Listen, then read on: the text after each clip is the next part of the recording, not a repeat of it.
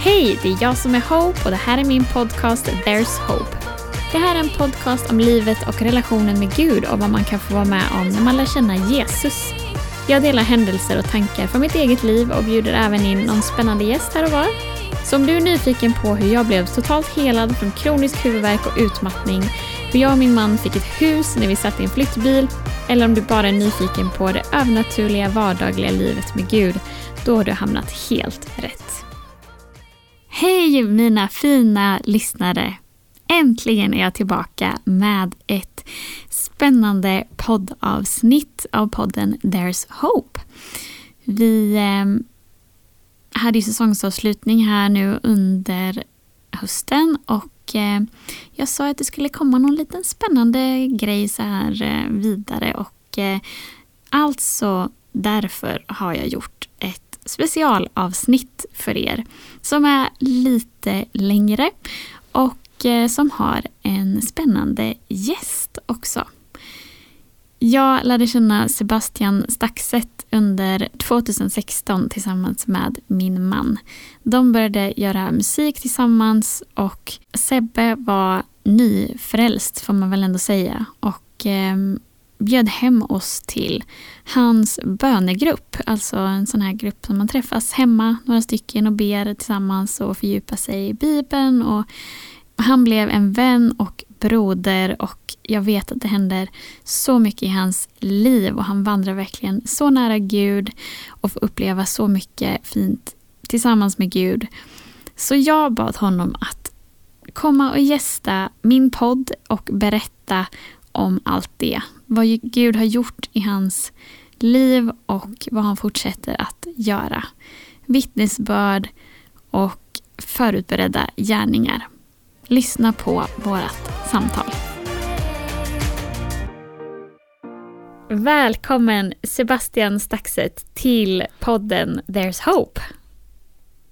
Amen, det finns hopp. Hej Therese. det finns hopp. Ja, hej. Hur är läget med dig idag? Det är fantastiskt. Jag sitter här på kontoret som vi har och tittar på väggen där vi har en sån här eh, väggtext mm -hmm. som där det står “Everything flows from a place of intimacy”. Mm. Uh, och det känns som en bra påminnelse att titta på. Mm, sant. Så bra. Vart ligger deras kontor?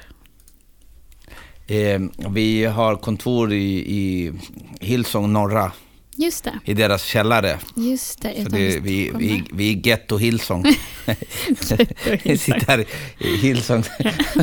det, Andreas Nilsson skämdes över oss och vi fick sitta i källaren. Jobbigt. Nej, Jobbigt att vara dem. ja, nej, men det, det, känns bra. Det känns bra. Så kul. I den nedre salen. den nedre salen. Istället för den övre salen. Då. Ja, precis. Mm. Så kul att ha dig med. Och eh, ja.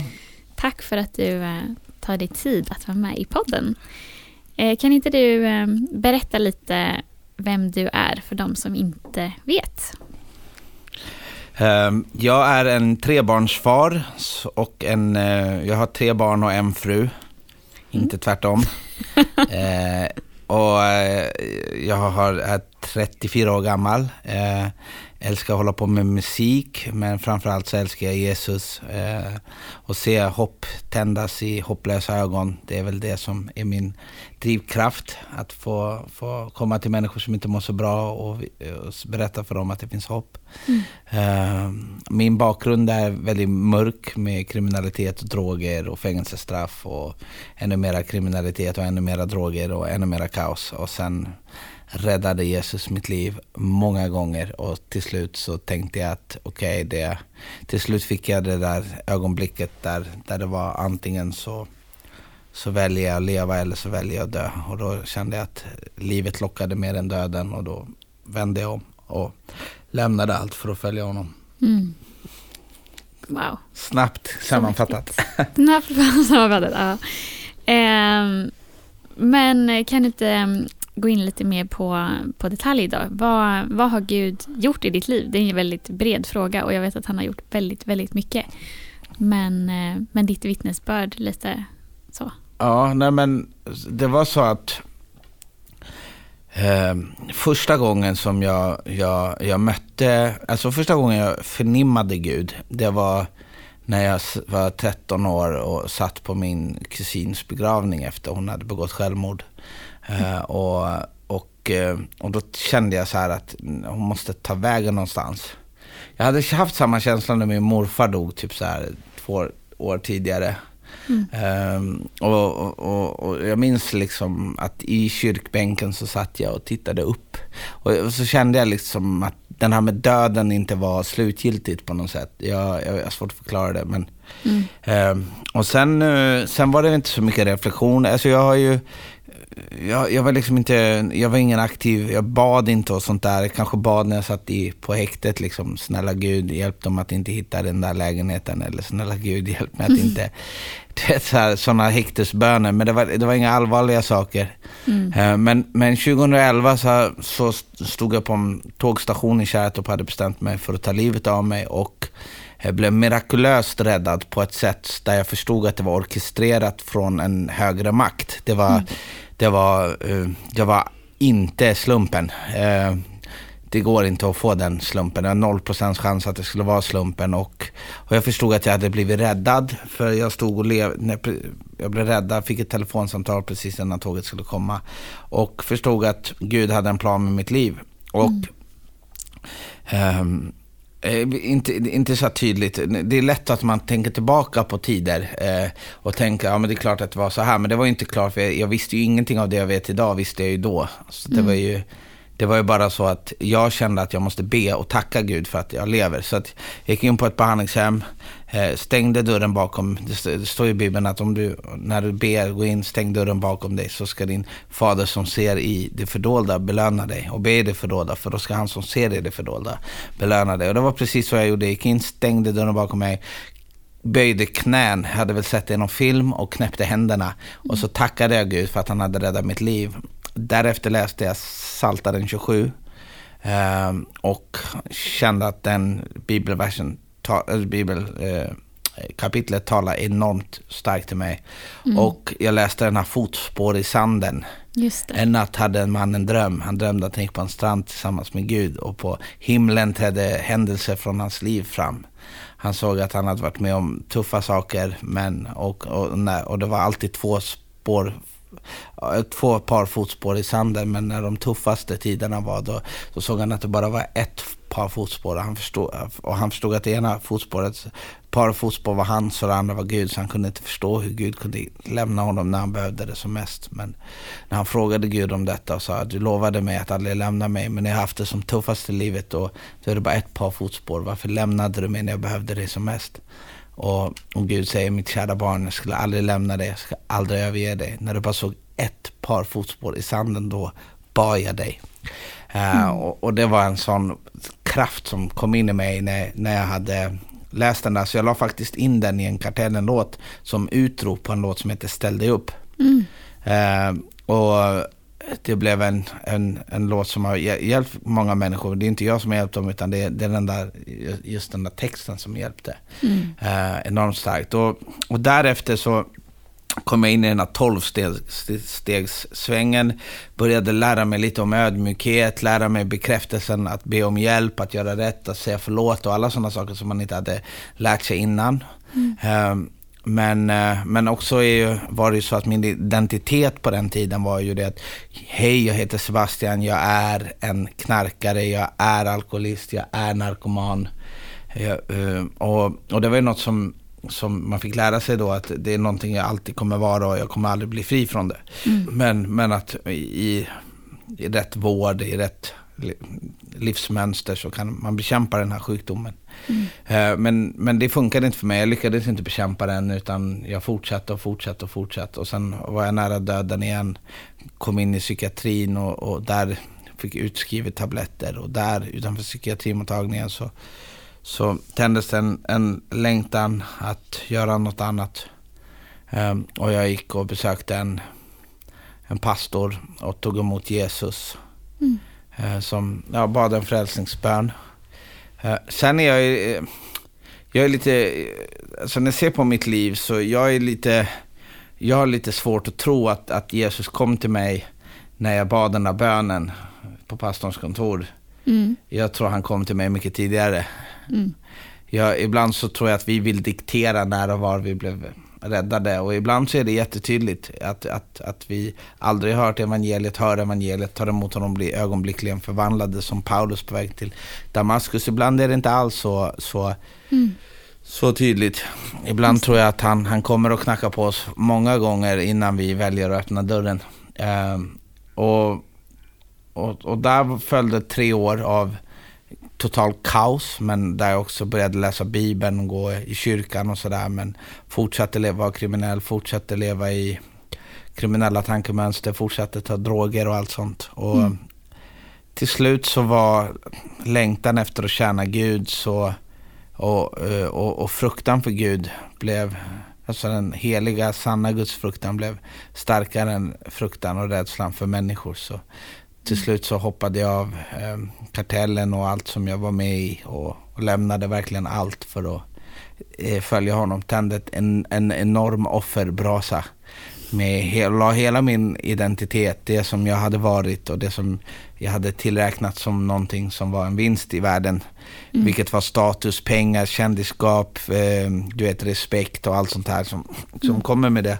Men Paulus säger ju i i Filipperbrevet att allt det som jag förr ansåg vara en vinst räknar jag nu som skräp för att jag funnit det som är långt mer dyrbart, kunskapen om Kristus, Jesus, våran Herre.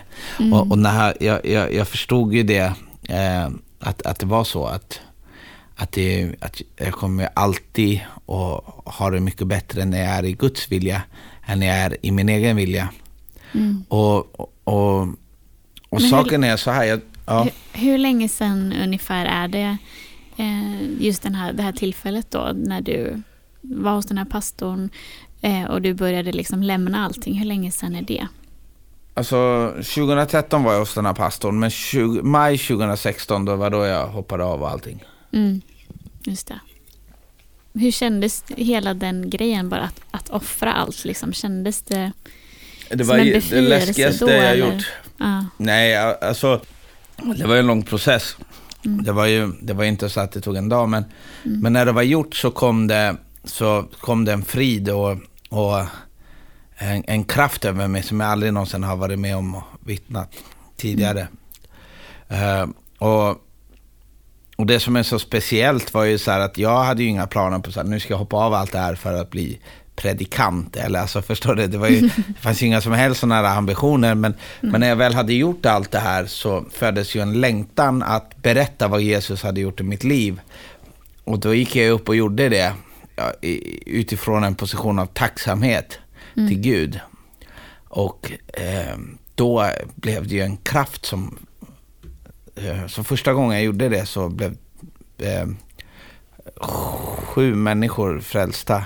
Mm, Eh, och, eh, och sen några dagar senare så gjorde jag det igen och då var det tio stycken som ville ta emot Herren. Så bara fortsatte det liksom sådär. Och det spelar ingen roll med, med siffror eller så, men, men det man kan se när man, när man har blivit kallad av, av Herren och vara evangelist, som, som jag vet att jag har en eh, eva- evangelistgåva.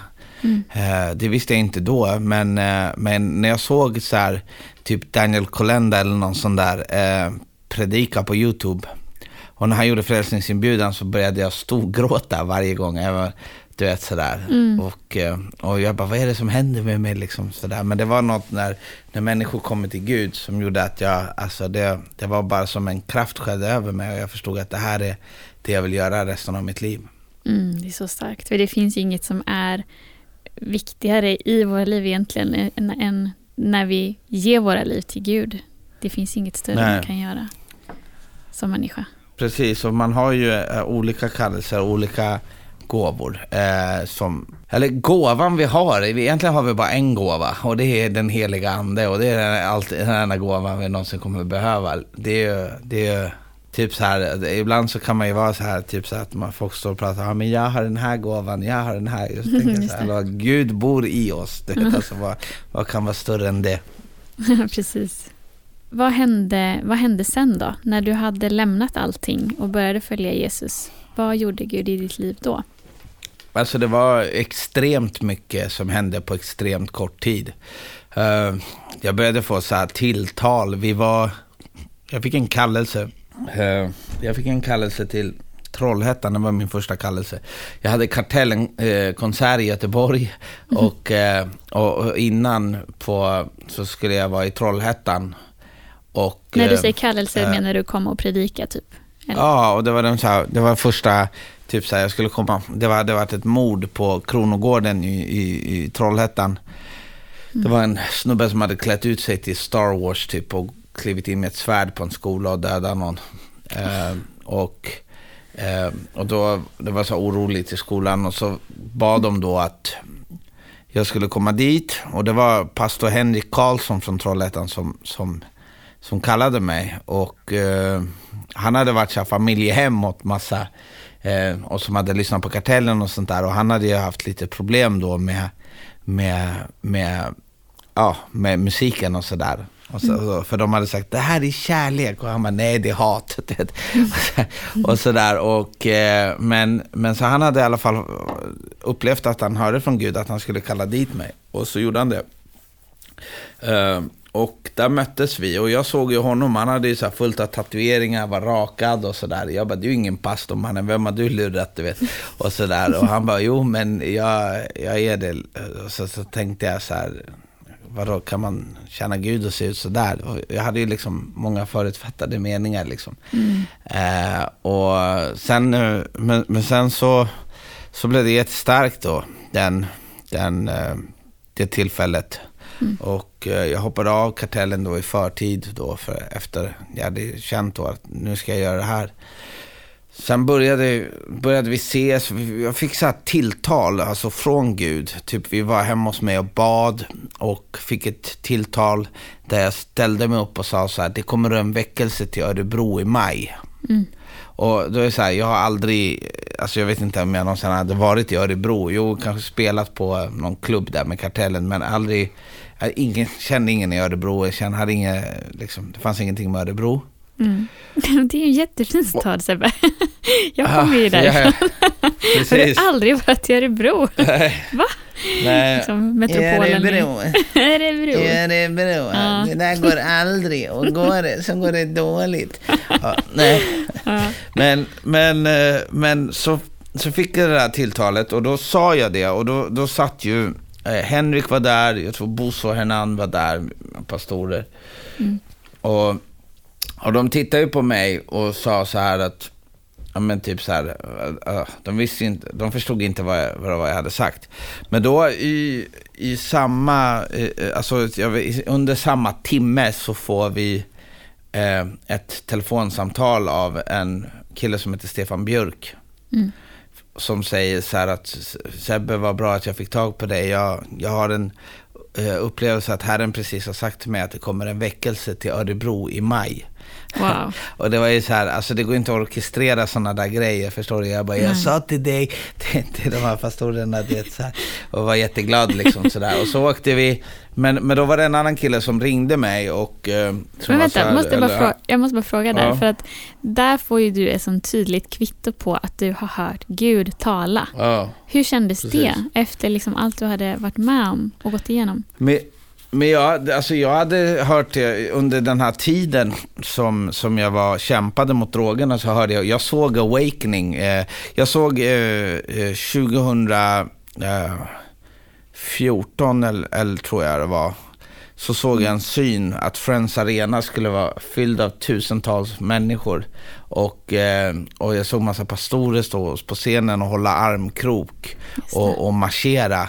Och alltså de, värsta grejerna. Och, och, så, och, och, att de sa förlåt. Mm. Så vi skrev upp det här eh, på ett läger med i Gnesta. Och sen kom ju Awakening eh, till Friends Arena och på söndagen så gick alla Stockholmspastorer eh, upp, tog armkrok, började marschera och bad varandra om förlåtelse. Mm, så, så, ja, så att jag har, alltså det, det, var inte så att jag inte tänkte att Gud inte skulle ta, han har talat hela tiden, alltså mm. under, sen jag mötte honom. Så han är ju en Gud som talar.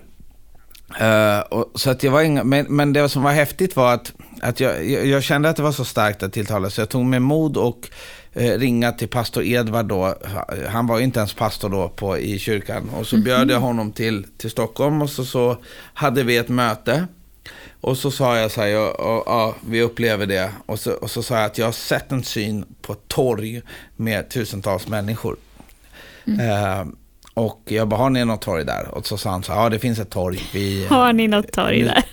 Ja, ja, ja. Finns det något torg där? Och så sa han, ja det finns ett torg. Musikhjälpen har precis varit där. Och eh, torget blev omdöpt till Kärlekens torg. Mm. Eh, och jag bara, what? Du vet, så här. Och så sa jag, men samla alla pastorerna så kommer vi dit och snackar med dem. Mm. Och, och jag, för mig så var det liksom inget så här svårare, för han bara, men ring alla så kommer de, du vet. Så här. Men, men jag fick ju reda på sen att, att jag hade ju, eh, Örebro var ju känd för, eh, för att vara svårt att ena ekumeniskt. Eh, och, och för jag träffade en pastor som, som hette Lennart Torebring från Södermalmskyrkan som sa att ska du till Örebro? Han var lycka till med den uppgiften, typ sådär. Du vet, så här, alltså det var typ så här, det där, det där kommer vara svårt. Mm. Och sen när jag kom till, men då hade jag haft kontakt med en annan kille. Uh, jag, jag, jag, det hörde av sig massa människor på Instagram, för de såg mina ögon att det hade hänt någonting. Så, så jag fick ju be med jättemycket människor över hela landet i, i frälsning. Alltså det är varje dag. Mm. Så, så hörde det av sig folk. Och det gör det ju fortfarande. Men, uh, men uh, men så hade varit haft massa så här sjuka samtal i telefon. Man har inte någon aning om vad som händer. Typ så här, det var en eh, tjej, hon satt med en hagelbrakare under munnen och eh, skulle precis trycka av, skjuta huvudet av sig och, och, precis när hon skulle liksom trycka på avtryckaren så började Förlåt spelas på P3. Så hon bara vände huvudet och kollade på radion. Bam, skottet går av, missar hennes huvud. Du vet. Hon lyssnar på hela låten Oj. och sen börjar hon gråta och, och hör av sig och du vet, fick jag, vi be med henne. Oh, det och, och det, det, såna, alltså, så, det var sådana saker som hände hela tiden. Du vet, så du måste tänka, så man är helt liksom hypad. Liksom, mm. Tänka mm. så här, Gud är, Gud är bäst bara. Mm. Eh, och, och så med den där hypen kom jag in i Örebro, in i Pingstkyrkan, träffade alla de här pastorerna. Det var ju ingen där som var hypad förutom jag. Och, och, du vet, jag kom in där med Hernan. Hernan kan ju typ inte ens svenska. Förstår, förstår du? Det ska bli väckelse i Örebro. Du vet sådär. Och sen, och sen och du vet, jag och du vet, en avdankad gangsterrappare, du vet. Och så vi bara drar hela den här visionen. Vi ska enas och det kommer vara tusentals människor på torget. Och jag bara, woho! Du vet. Men, men, eh, men de var ju de var ju helt, du vet, alltså, de var, alltså det, var, det var helt släckt. Det var liksom ingen eld där. Mm. Alltså, de hade säkert eld i sina egna liv, men inte gentemot den här uppgiften. Men då reser sig eh, en, en kvinna, en pastor upp, som heter Rigmor Holst. Och så säger hon så här att, jag tror detta är från Gud, säger hon. För att eh, i hennes kyrka då så hade, så hade den här barn... Eh, Eh, barnpastorn, han hade haft en sån samling med barnen. Och så hade det bara sprungit in någon dåre liksom med, med, med guldkedja och du vet, satt fullt med tatueringar och rakad. Mm. Och bara, vart är pastorn? Vart är pastorn? Och du vet, så här, han bara, du vet, ah, du vet, jag är pastorn. Och så han sagt så, ah, jag pratade precis med Sebbe i, i telefon, jag låg och meckade under en bil. Och så bad vi en bön och så kom någon kraft över mig. Och så, så frågade jag, vad ska jag göra nu? Och så sa han, spring till närmsta kyrka och fråga efter pastorn och berätta vad som har hänt. Och nu är jag här. och, eh, och då, ja, det var häftigt för den här killen, han, han, hans barnpastor blev hans pastor. Så barnpastorn försökte ju sen eh, skicka honom vidare till, eh, till den vanliga pastorn. Han sa, du är inte min pastor, du är min pastor. sådär, sådär. Så jag träffade den här barnpastorn, den här killen på Nyhem sen på, på sommaren. Det var, det var kul. Men, men då berättade hon den här situationen för, för hela det där gänget. Mm. Och då blev det som att det tändes en gnista där och sen det här är möjligt. Och mm. där, på grund av den vittnesbörden så, så tände det här eh, och, och det blev, eh, det, blev, eh, ja, det blev en verklighet. Mm. Så det var ju någon, någon, någon vecka innan har jag för mig så hade vi ju ett mindre tält då ute i, i, i, i, eh, i utanförskapsområdena där i Örebro. Så var vi ett tält det var, ja, det, var, det var underbart. Det var bara rövare, banditer och påtända människor och, och någon satanist som kom dit. Eh, och skulle göra något. Men eh, så när man kom nära honom, du vet, så jag, jag, jag tyckte han såg ut som en eh, sån här dataspelsnörd, du vet. Eh, för de hade så samma glädje. Jag fattade inte att han var satanist. Så inte för att jag hade brytt mig, men jag trodde det var en sån snubbe. Och så när jag kom nära så sa han så här, jag vill bara att Jesus, eller jag vill bara att någon ska älska mig. Mm. Um, och så sa jag, men Jesus älskar dig. Det fick vi be med honom. Men det var, mm. det var grejer som hade hänt. Men då, men då hade jag ju sagt till dem, jag hade ju haft lite samtal med de här pastorerna, liksom att ni måste marknadsföra eventet, det är jätteviktigt. Mm. Eh, och de bara, okej, okay, hur ska vi göra? Jag bara, ni måste affischera hela Örebro liksom. Och, och jag hade ju min gamla artisttänk liksom, så det, du vet hur man affischerar, man bara tejpar upp och ner mm. liksom tusen affischer i stan. Men men de, de, så när jag kommer dit på, på, på den här eventdagen och tänker liksom, okej okay, nu kör vi. Så så hittade jag inte en enda affisch i hela stan. Liksom. Så jag bara, vart är affischen? Så kommer jag förbi en sån här anslagstavla liksom. Och där har de hängt upp liksom en lapp. Typ en sån här liten lapp liksom. Så här, en affisch i typ så här en, en, en tredjedels A4 liksom, som mm. hänger där. Liksom. Mm. Och, det är det, och då har de ju bara hängt upp, eftersom det är kyrkan, har ju bara hängt upp på alla ställen man får hänga upp på. Så, typ så här ICAs liksom, anslagstavla. Ja. Och, och jag bara, hur ska det här gå? Men, men på den kvällen så kom det ju tusentals människor. Eh, och eh, och det gick i uppfyllelse och då hörde jag Herren säga att evangeliet ska eka på torget tre år i rad. Wow. Och då gick jag upp och talade om det. Och, och så sa de, så, ja, men du vet, så sa mina pastorer, så, ja, men försiktigt, så här kan man inte säga. Men jag bara, men jag upplevde att Herren sa det. Mm, mm. Och så visade det sig att det blev tre år i rad och det blev precis så som Herren hade sagt. Och sen när man hade försökt göra det fjärde året, boom, kom corona och stängde ner hela grejen. Mm. Ja, så att det har... Och så har det har följt hela vägen så har det varit så att... För, för Herren säger så här. Om någon vill tjäna mig, då ska han följa mig. Och där jag är, där ska också min tjänare vara. Mm. Och, och, det är så här, om du, om du tar exemplet eh, i, ifrån... Eh, om, om, du tar exemplet här från eh, från tredje, tredje Mosebokens eh, tionde eh, kapitel. Kvinnors rening när de fött barn. Det ska vi inte läsa. Helst inte. Okej, här. Men Arons söner Nadab och Abihu tog varsitt fyrfat och lade eld i dem, strödde på rökelse och par främmande eld inför Herrens ansikte, något som han inte hade befallt dem. Då gick eld ut från Herren och förtärde dem och de dog inför Herren. Ehm, och det här är ju en, en, eh, en, eh, en historia om, om när Arons söner känner sig kallade och på grund av att de har fått vara med och, och sett Aron eh, bära fram elden eh, och, och rökelsen inför Herren och Herrens eld har kommit. Så, så, så gick de och gjorde det här i egen styrka och egen kraft utan att Herren hade auktoriserat dem. Mm. Eh, att, att göra det. Han hade inte kallat dem, han hade inte bett dem, han hade inte sagt dem. Det, Herren har sagt missions, det här är ju eh, det här är gamla testamentet och i nya testamentet så, så har vi fått våran befallning, gå ut, predika evangeliet över hela skapelsen, göra alla folk till lärjungar. Mm. Herren säger när han, när han blir upphöjd, han ska dra alla människor till sig. Så, så det är inte så att man behöver fråga Gud om man ska eh, liksom berätta om Jesus. Mm. För, det, för det har han redan sagt. Det finns vissa saker som, som är självklara. Eh, men hur man ska göra det, var man ska gå och vad man ska göra. Det mm. står också i Bibeln att vi ska vandra i förutberedda gärningar. Att han har förberett gärningar som vi ska vandra i. Mm. Att, att han har förberett en väg för oss. Att han har en unik, han, vi är skapade av Gud med en unik plan, en unik kallelse och i den vägen som vi har framför oss så har han förberett saker. Och det finns två enorma krafter. Det, den ena är liksom auktoriteten.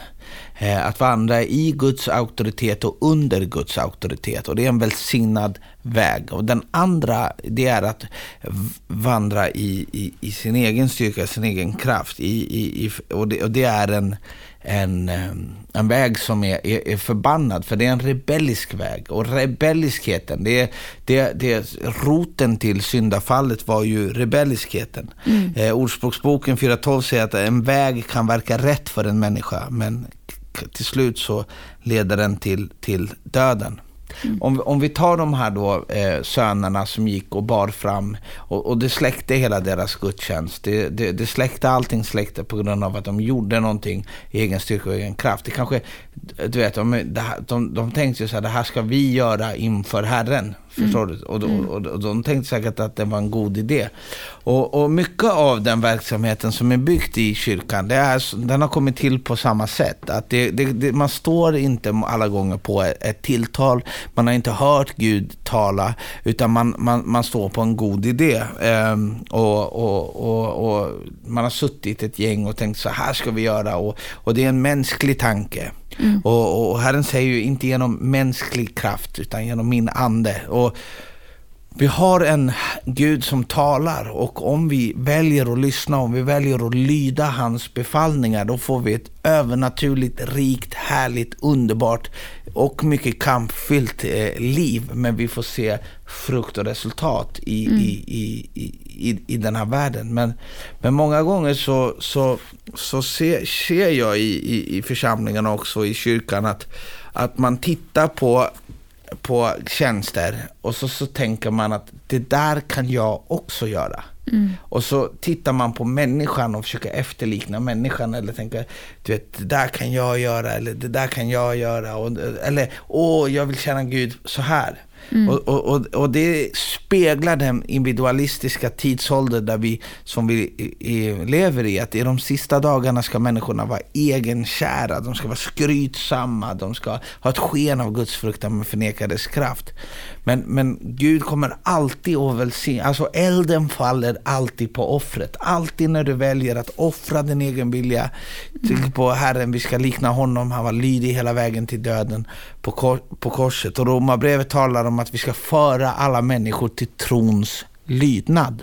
Mm. Och i det här samhället som vi lever i så är det få människor som vill tala om lydnad. Det är få människor som vill tala om skyldigheter men alla vill skrika ut om, om, om sina rättigheter. Och tyvärr mm. speglar den mentaliteten av den tidsålder vi lever i på församlingarna och det är därför kraften avtar. Det är det, det, är det som jag tror, det är min, min känsla. Mm. Berätta berätta om eh, mer av de här förutberedda gärningarna som du pratade om att eh, Gud har kallat dig i? Ja, alltså det, det, det Herren gör mycket, men jag kan ta ett, ett nytt exempel. Han sa till, till mig att, eh, att vi skulle, vi fick ett tilltal för, för två år sedan ungefär, att, att det ska komma tio nya behandlingshem till Sverige. Fem för kvinnor och fem för män talade ut det, kände Guds sanktion över det, hade tänkt att jag har ingenting med det där att göra, utan det är någonting Gud tänker göra. Mm. Ett år senare kom det tillbaka och jag förstod mer och mer att det här är någonting som han vill att vi ska vandra i. Mm. Och, och, och, drog igång en, en, en process att påbörja ett behandlingshem. Jag började med, med, med att tänka eh, du vet, ansvarsfullt. Eh, Eh, du vet, det står ett, ett mänskligt uttryck är att man ska ta sitt förnuft till fånga. Mm. Men jag tror att är, man blir fångad av sitt förnuft många gånger. eh, det är tvärtom. Och, och, och, det här förnuftet då sa till mig att ja, men då, då måste ni, ni måste ha en täckning för det här arbetet. Mm.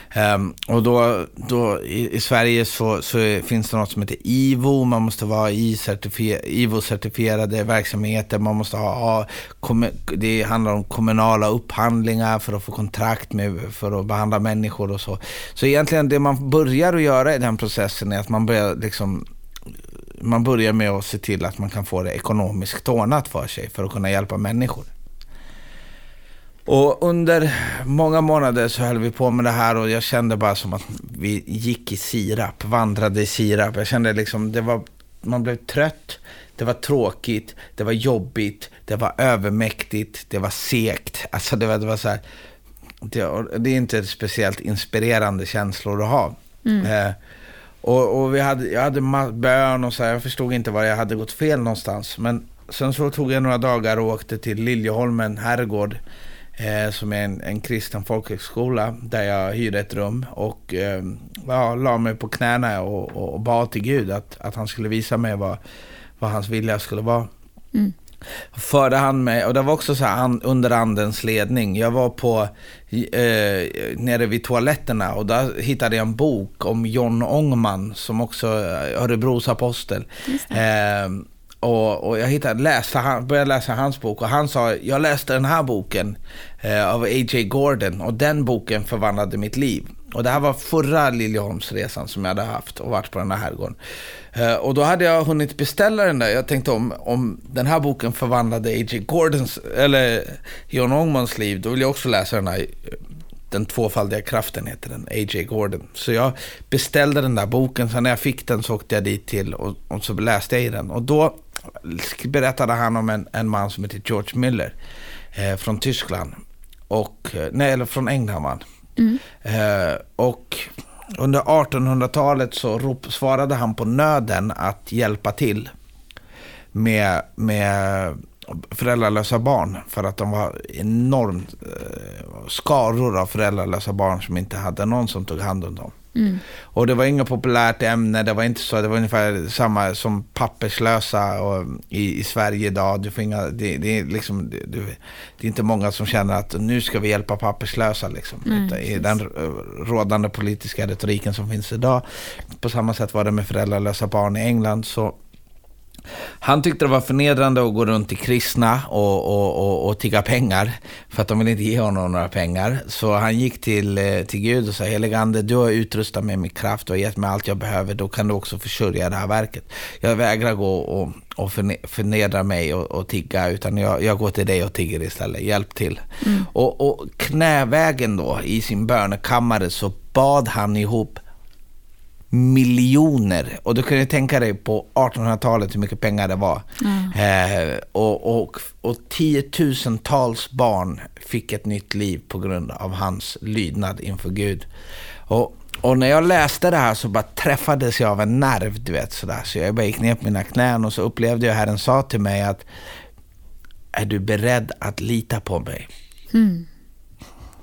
Och då ja. tänkte jag, och då tänkte jag, ja, det, det är jag. Och, och, då sa jag så okej okay, jag ska inte göra det här med gå till staten och fixa så att allting är betalt och hit och dit. Nej, du vet, utan jag ska bara tro på dig. Och bara några timmar senare så, så hör eh, en, en, man av sig. Mm. Och, eh, och vi åker och kollar på ett behandlingshem i Östervåla. Helt fantastiskt, typ den finaste byggnaden i Östervåla. Tre jättehus, en stor gård, det kallas för Gästis. Bara mm. gå in där, jag bara det här känns så bra.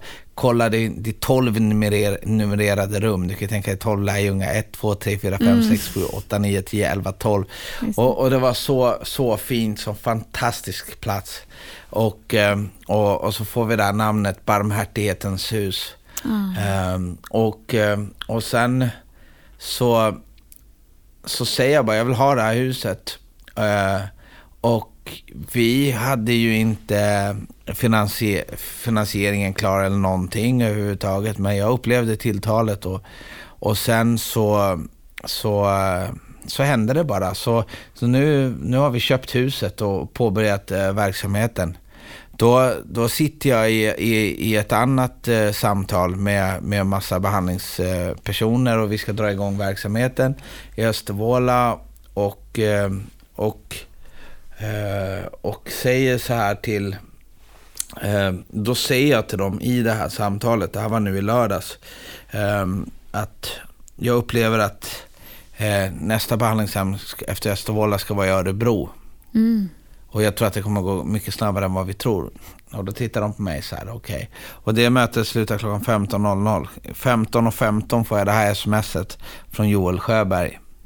Eh, vi, Mäldringekyrkan, skulle behöva starta ett behandlingshem som ni gör i Östervåla i Örebro för kvinnor. Vi har så bra kontakt med Runnagård. Du vet, och, och, och, sen, och, och, så fortsätter det. Och, och, du vet, så här är, är det och, och, och när, när vi känner Gud, att han backar upp sina, sina projekt. Han backar upp sina tilltal och vi får vandra i de här förutberedda gärningarna. Samma sak som när, när, vi, när vi köpte tältet. Vi, vi köpte ju tältet eh, från, från Norge utan någon ekonomi överhuvudtaget. Mm. Och, eh, För du hade hört det, att ni skulle ha tältmöten då av Gud? Ja, precis. Mm. Jag hade fått det tilltalet. Köpte tältet utan en krona på fickan. Eh, för 1,2 miljoner och bara okej, du vet. Och, och Ta det på sen så faktura. sa, Eller? Ja, nej, men och sen, så, sen så tog vi en så här, eh, vi skulle ha ett insamling, en insamlingskväll, jag hade aldrig haft det innan så här, med företagare. Mm. Och på slutet av kvällen så kommer det en, du vet, ger tusen, det är någon som ger fem tusen, det är någon som ger eh, 10 tusen, men det var typ så här, jag tror det var så här, eh, 17 tusen eller någonting som kom in. Mm. Jag bara, uh, okej, hur funkar den här matten liksom? Så här. Men då på slut, sist så reser sig en snubbe, han har vikt den här lappen och så kommer han fram och, och ger den till mig. En man. Och då öppnar jag den och så står det 500 000 på. Jag bara wow, det, så här. Jag bara, det här är helt sjukt. Och sen, men så slutade det med att han, han betalade inte bara 500 000, han gick in och betalade hela tältet. Oj, Ehm, och så, så, så beställde vi eh, 4 000 eh, stolar från Kina som kom eh, i containrar liksom. Och, Mm. och det var också en jättekostnad. Jag kommer inte ihåg om det var, det var säkert 800 000 eller någonting som skulle in. Och ja, det var en man som hörde från Gud att han skulle gå in och betala de där stolarna. Mm. Och, och så här har det varit hela tiden. Eh, vi behövde lastbilar, du vet. Eh, och, och bara, gud, vi behöver lastbilar. Då kom det två, två eh, eh, grabbar som hade, jag hade möte med. Eh, och de sa så här, eh, de sa så här, ja men vi har, och, och, och, de här har BST, det är liksom största, det är största eh, grabbarna i branschen. Då kommer och visar de sig att, att de är pastorssöner. Och att de skulle bli pastorer egentligen, men att de istället startade en åkerifirma. Så sa de så här, vi har suttit och bett att vi skulle kunna använda våra lastbilar till, till att tjäna Herren på något sätt. Du vet så här. Så, så jag beskrev vad vi behövde, att vi behövde en långtradare. Och då sa de, men vi har ingen som passar, men vi köper en, du vet. förstår, förstår. Så du vet, och så, så här, så att, och han bara, och jag kör den själv, så han dammade in där till tältkampanjen, han körde bilen ner dit själv, liksom högsta chefen på Oh, BST. Så, så, sådana här tecken och under har varit absolut hela tiden. Samtidigt som jag säger det vill jag också säga att allting som jag har startat och gjort i egen styrka har varit precis tvärtom. Det, har, det har varit bara eh, ouppnåeligt, segt, trött, tröttsamt och, och jobbigt och tungt. mm. Men, men, men när man står i hans vilja, Guds vilja, och utbreda hans rike, då, då är det enkelt att tjäna Herren. Just det. det. Jag har hört ett talesätt som är något sånt där att for every calling there's a provision eller något sånt där for every purpose there's a provision. Att han Ja. backar upp liksom det han säger. Han betalar det han beställer. Just det. Um, alltså du har ju fått möta otroligt mycket människor genom ditt liv och genom den här resan då.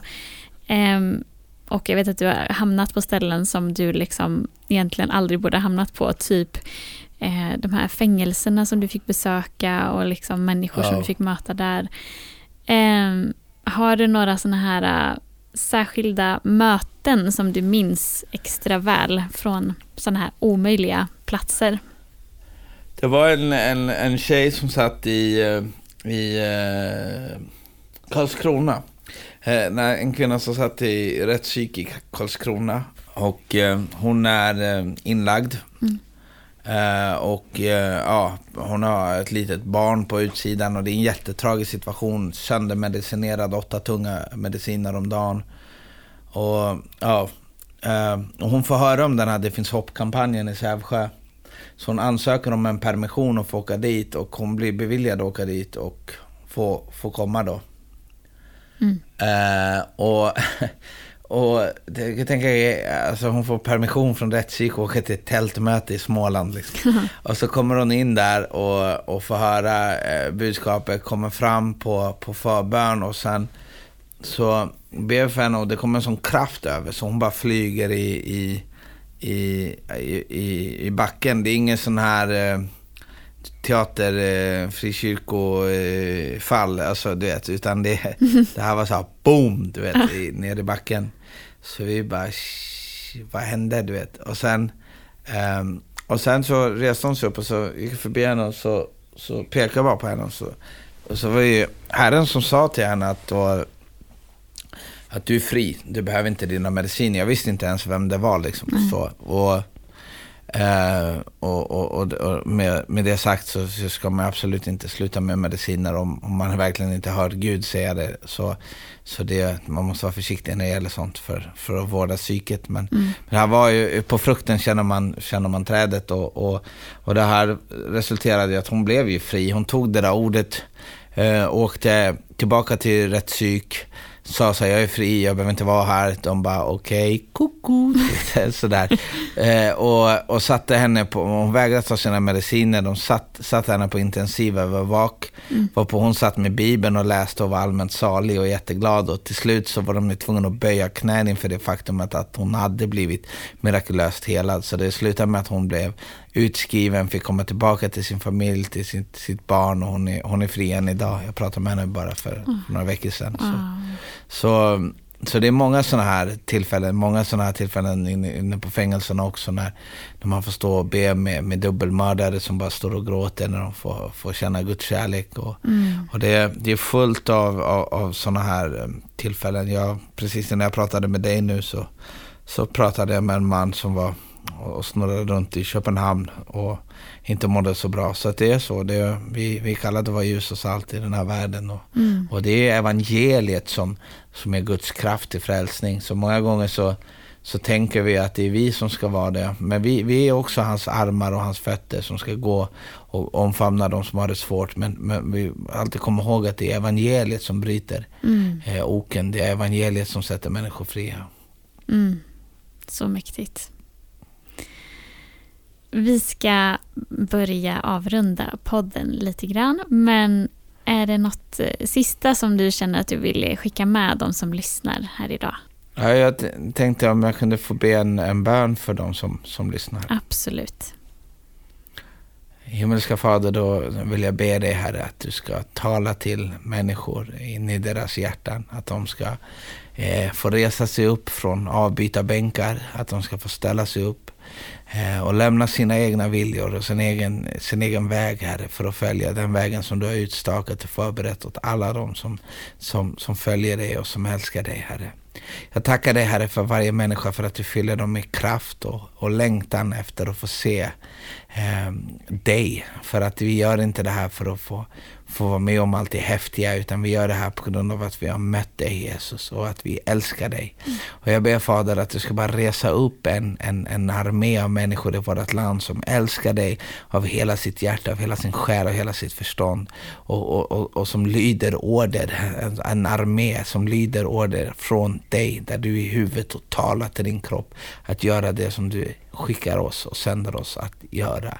Gläder inte så mycket att de onda andarna lyder er utan att era namn är skrivna i himlen. Alltså vetskapen att vi ska få vara tillsammans med dig Jesus för alltid. Det är den tyngsta eh, säkerheten för oss att, att, att bygga ett liv på. Att du älskar oss och har utgett dig för oss, Fader. Mm. Och jag ber att du bara ska förnya den här kallelsen, att, att den här kraften och smörjelsen ska komma över ditt folk, Herre.